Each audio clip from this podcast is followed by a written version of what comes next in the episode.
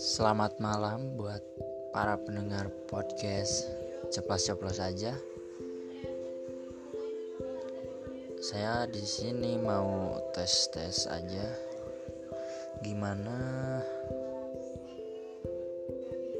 kalau podcast ini kita banyakin ngegibah sama orang, tapi berarti kita harus update berarti udah buka puasa paling lah karena kalau update gibah siang-siang nambah dosa-dosa gitu lah gak jelas. Ya mungkin cuman tes-tes aja sih ini. Makasih semuanya.